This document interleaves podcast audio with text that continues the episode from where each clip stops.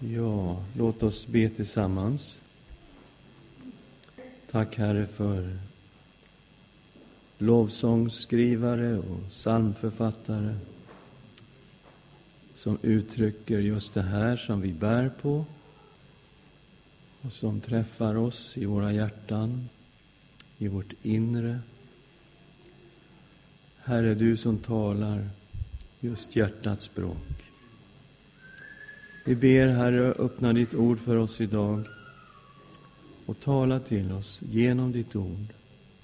I Jesu Kristi namn. Amen. Jesus talar hjärtats språk. Och Det är en sak man lägger märke till när man läser om Jesus i evangelierna. Hur personlig han var och hur han inte bara använde samma typ av tilltal till alla människor. Det var så individuellt. Och Jesus talade till fiskaren Petrus.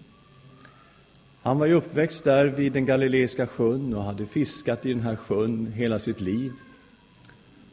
Och Jesus kom förbi den platsen där han hade sin båt och frågade om han inte får låna båten ett tag så han kan få tala till alla som stod där på stranden. Och det gick ju bra. Så efter han hade haft sin undervisning så säger han till Petrus, hörru du, jag tycker nog att du ska pröva en gång till. Lägg ut näten på djupet, du kommer få jättemycket fisk. Och Petrus säger, men Jesus, jag har ju liksom vi har jobbat hela natten här, vi har inte fått en enda fisk. Men så kom han ju på att det var Jesus som sa det här, så han säger okej, okay, på ditt ord så ska jag pröva. Och så går de ut med båten, slänger in nätet och det bara säger boom. Och så är det tjockt med fiskar i nätet. De får inte ens upp det. De ropar på kompisarna där, Jakob och Johannes, kan inte ni komma och hjälpa till? Så vi får upp all fisk. Och de fyller två båtar med fisk. Det står att de nästan höll på att sjunka. Och Petrus har aldrig varit med om något liknande. Han känner, här är Gud. Så han faller ner inför Jesus. Och så säger han, Herre, gå bort ifrån min båt, lämna mig. För jag är en syndig människa. Och Jesus säger till Petrus, du ska inte vara rädd. efter ska du bli människofiskare, du ska fånga människor. Följ mig. Och så lämnar han båten och hans brorsa Andreas och kompisarna Jakob och Johannes. De lämnar sina båtar och så börjar de följa Jesus. Men det här är Jesu tilltal till en fiskare. En gång när de var uppe i Kapernaum så kommer de här som samlar in tempelskatt och ställer en fråga till Petrus. Hur är det? Ger inte Jesus tempelskatt? Åh, säger Petrus, det gör han väl sådär.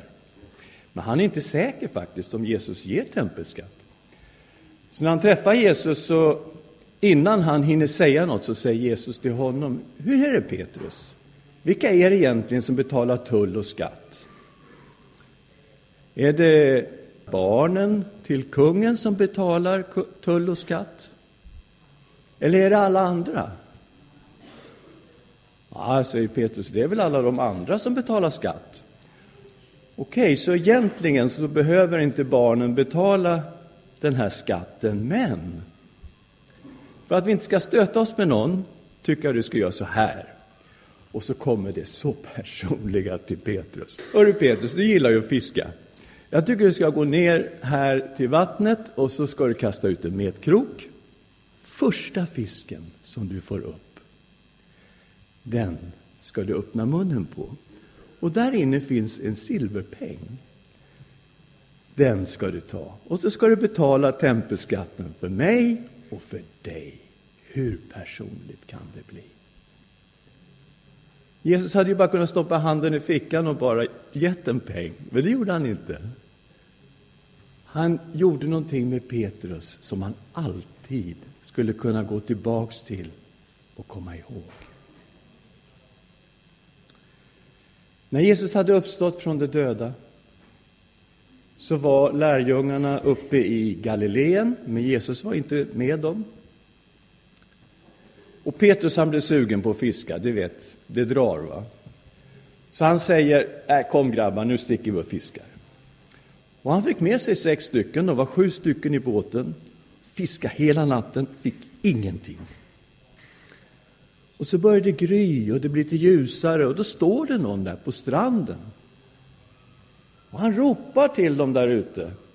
Mina barn, har ni något att äta? Nej, nej, vi har absolut ingenting. Kasta ut näten på högra sidan om båten. Oops, slänger ut näten och boom, säger det. Fullt med fisk. De får inte ens upp nätet. Och Johannes, han har ju varit med förut en gång, så han säger det är Jesus som står där borta på stranden. Och när Petrus får höra att det är Jesus som står där på stranden, då lämnar han de andra lärjungarna, han lämnar båten, han lämnar fisken, han kastar sig i vattnet och simmar in till stranden för att få träffa den uppståndne Jesus Kristus. Och hans hjärta är på vid gavel. Nu har Jesus gjort ett till sån här fiskunder. Och så kommer det tre gånger. Petrus, älskar du mig? Och han får en väldigt speciell kallelse, sitt uppdrag för livet. För mina lamm i bete, ger mat till mina lamm. Var en herde för mina får. Ge mat till mina får, ta hand om fåren, du ska vara en herde, Petrus. Och det här kommer att kosta dig allt. Petrus, älskar du mig? Den kommer att sättas på prov, kärleken till Jesus. Och sen får han till och med veta att han ska bli martyr en dag. Och så får han höra orden från Jesus. Följ mig.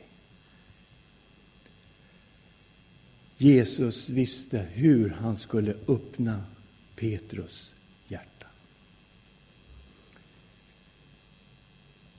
Jesus talade en dag till kvinnan vid Sykars brunn, en samarisk kvinna.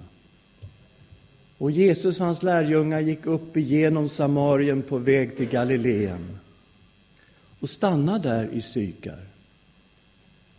Och lärjungarna går in till stan för att köpa mat. Och Jesus sätter sig vid brunnen. Och så kommer det ut en kvinna mitt på dagen för att hämta vatten. Och Jesus ber henne om något att dricka och hon är jätteförvånad att han som är jude, en judisk man, överhuvudtaget tilltalar henne som är en samarisk kvinna. Men han säger, om du förstod två saker. Om du förstod Guds gåva och om du förstod vem det är som talar med dig just nu, då skulle du ha bett honom om att få levande vatten. Ja, säger kvinnan, vad pratar du om? Den här brunnen är ju djup och du har ju ingenting att dra vatten med. Var får du det här vattnet ifrån? Ja, säger Jesus, om man dricker av det här vattnet då blir man ju törstig igen.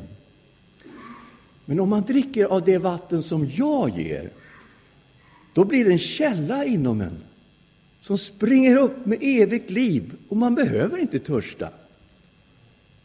Wow, säger kvinnan, vilket vatten! Du behöver inte komma hit ens varje dag för att hämta vatten. Kan inte jag få det här levande vattnet? Jo, säger Jesus, det går bra. Men du har ett problem, vi löser det först. Gå och hämta din man och kom sen tillbaka. Och kvinnan säger, Nej, jag har ingen man. Nej, säger Jesus, det, det är sant. Du har haft fem män. Och den du nu har, det är inte din man.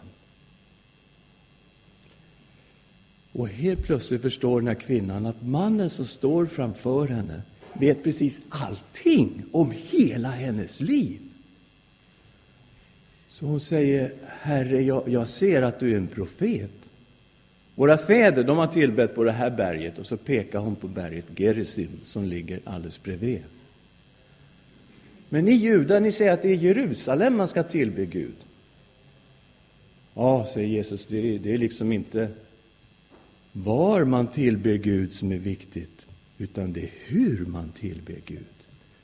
Gud är ande, och de som tillber honom, de måste tillbe i ande och sanning. Och när Jesus säger det här så händer någonting med den här kvinnan. Hon säger, ja, alltså jag har ju hört att den här Messias ska komma en dag. Och när han kommer, då ska han berätta allting för oss. Ja, säger Jesus, jag, jag är Messias. Och kvinnan lämnar krukan vid, vid brunnen, springer in i stan och säger kom, ni måste träffa den här mannen. Han, har, han vet precis allting om mig. Jag tror det är Messias som står där ute. Kom! Och så kommer folket i Sykar ut och lyssnar på Jesus. Och så säger de Jesus, kan inte du stanna kvar här? Och det gör han. Och till slut så säger de, nu vet vi att han i sanning är världens frälsare. Jesus börjar så personligt med kvinnan.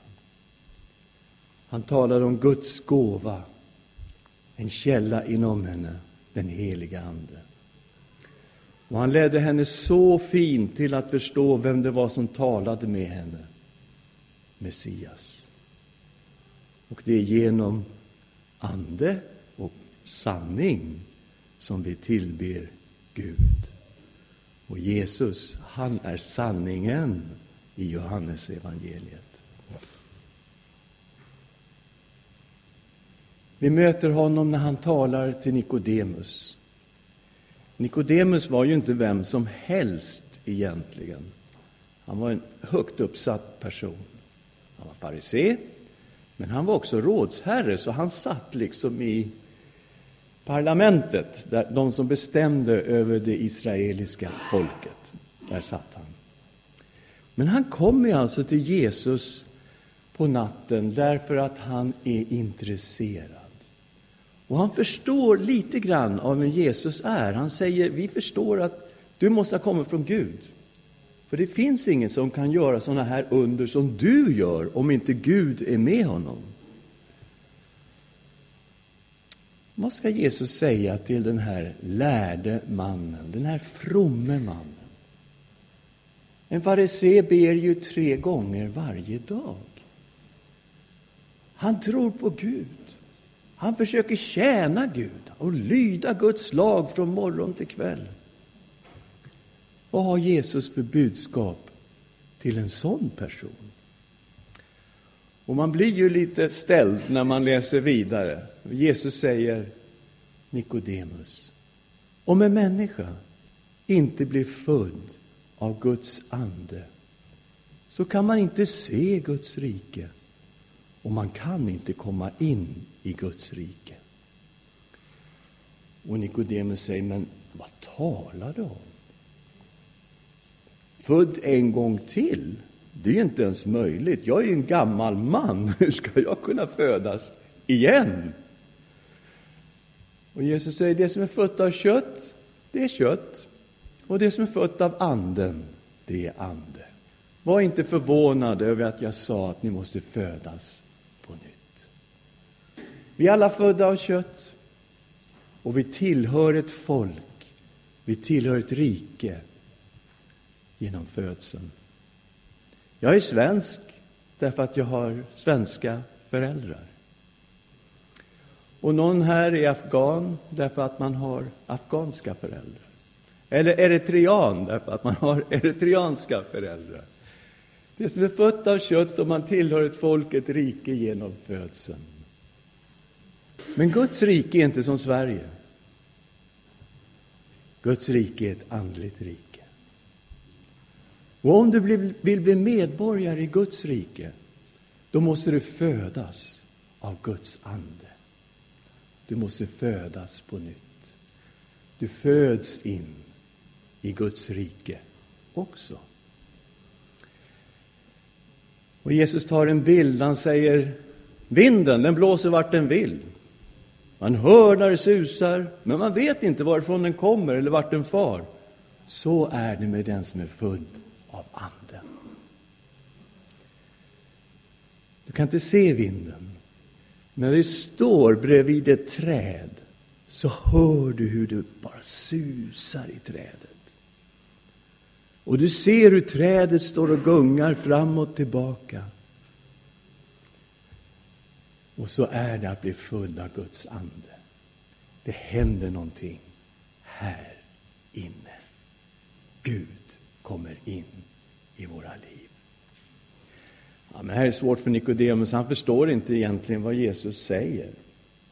Så till slut så tar Jesus bladet ur munnen och förklarar att man måste se på Jesus i tro. Vi läser Johannes 3, vers 14 och 15.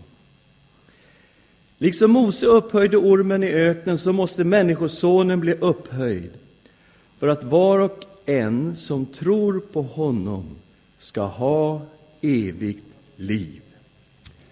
Och för oss är inte det här särskilt självklart så, men för Nikodemus var det här solklart vad Jesus talade om. Israels barn var i Sina i öken.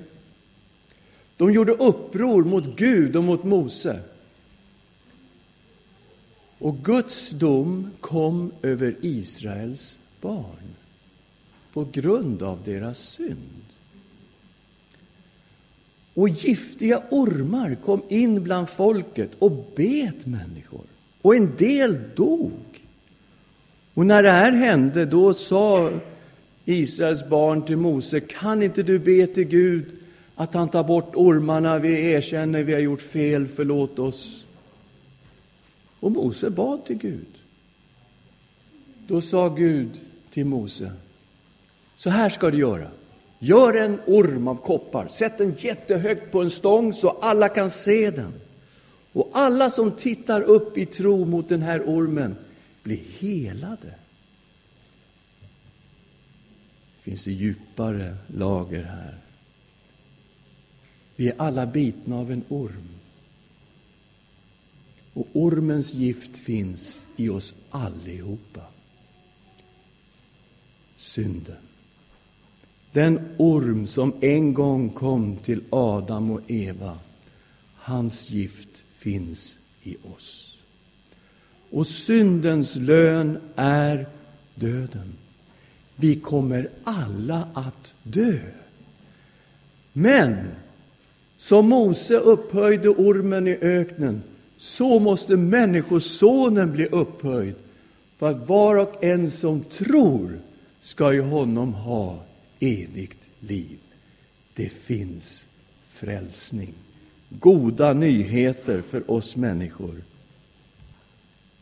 16 versen. Ty så älskade Gud världen att han utgav sin enfödde son för att den som tror på honom inte ska gå förlorad utan ha evigt liv. Har du tagit emot Jesus? Om du vill se Guds rike, om du vill komma in i Guds rike behöver du födas av Gud och du behöver tro på Jesus Kristus som din Herre, din frälsare. Nikodemus, han, eh, han hade mycket att tänka på efter den där kvällen, det är jag säker på. Vi möter honom igen i det sjunde kapitlet av Johannes och här försvarar han faktiskt Jesus. Och han gör det inför självaste Stora rådet. De har skickat ut tempelvakter för att gripa Jesus och så kommer tempelvakterna tillbaka tomhänta. De har ingen Jesus med sig. Vers 45, kapitel 7, Johannes. Tempelvakterna kom tillbaka till översteprästerna och fariseerna som frågade dem varför har ni inte fört hit honom? De svarade aldrig har någon människa talat som han. Då sa fariseerna till dem har ni också blivit vilseledda? Finns det någon i Stora rådet eller bland fariseerna som har trott på honom? Men den här hopen som inte känner lagen, den är förbannad. Nikodemus, han som tidigare hade kommit till Jesus och som var en av dem, sa Inte dömer väl vår lag någon utan att man först hör honom och tar reda på vad han har gjort.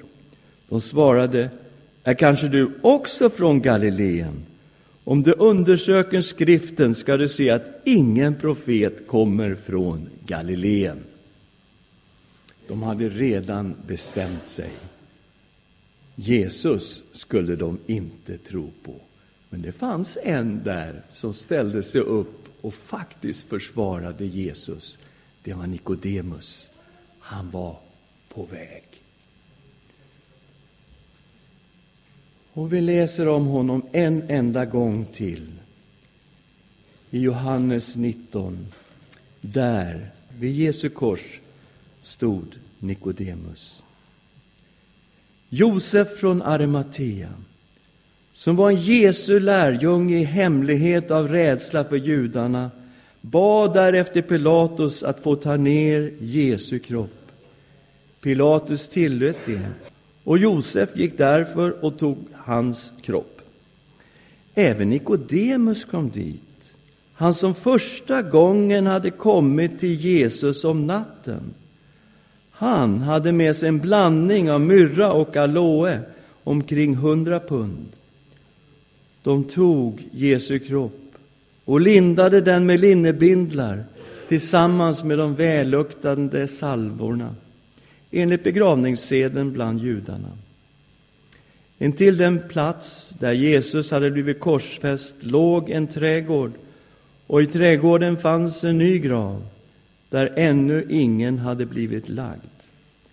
I den lade de Jesus, eftersom det var judarnas tillredelsedag och graven låg nära. Nu var det dags för Nikodemus. Nu förstod han vem Jesus var. Som Mose upphöjde ormen i öknen, så måste Människosonen bli upphöjd för att var och en som tror ska i honom ha evigt liv. Där, vid Jesu kors, såg han precis vad Jesus talade om. Och han var med. En hemlig lärjunge hette Josef från Arimatea. En annan hette nu Nikodemus. Jesus visste hur han skulle tala till Nikodemus och han nådde rakt in i hans hjärta. Jesus vet hur han ska tala till dig och mig. Vi lyssnar på många vittnesbörd i den här församlingen vartefter som människor kommer till tro på Jesus. Det är aldrig likadant. Någon har haft en dröm, någon har blivit helad, någon har, jag vet inte vad, mött barmhärtighet någonstans. Jesus har talat. Och han vet hur han ska komma åt dig. Jag brukar säga så här till människor som kommer som sökare till Husbykyrkan. Det är en sak du behöver tänka på. Ha ett öppet hjärta. Det är det enda du behöver tänka på. Om du söker Jesus med ett öppet hjärta så gör Gud resten. Ska vi be tillsammans? Herre, du som känner oss innan och utan. Du har nycklarna till våra hjärtan. Och du vet hur du ska tala till oss. Tack, Herre, att du har kommit för att uppsöka och rädda alla människor som var förlorade. Tack att du sökte mig och tack att du söker mina vänner. Du är en underbar frälsare. I Jesu Kristi namn. Amen.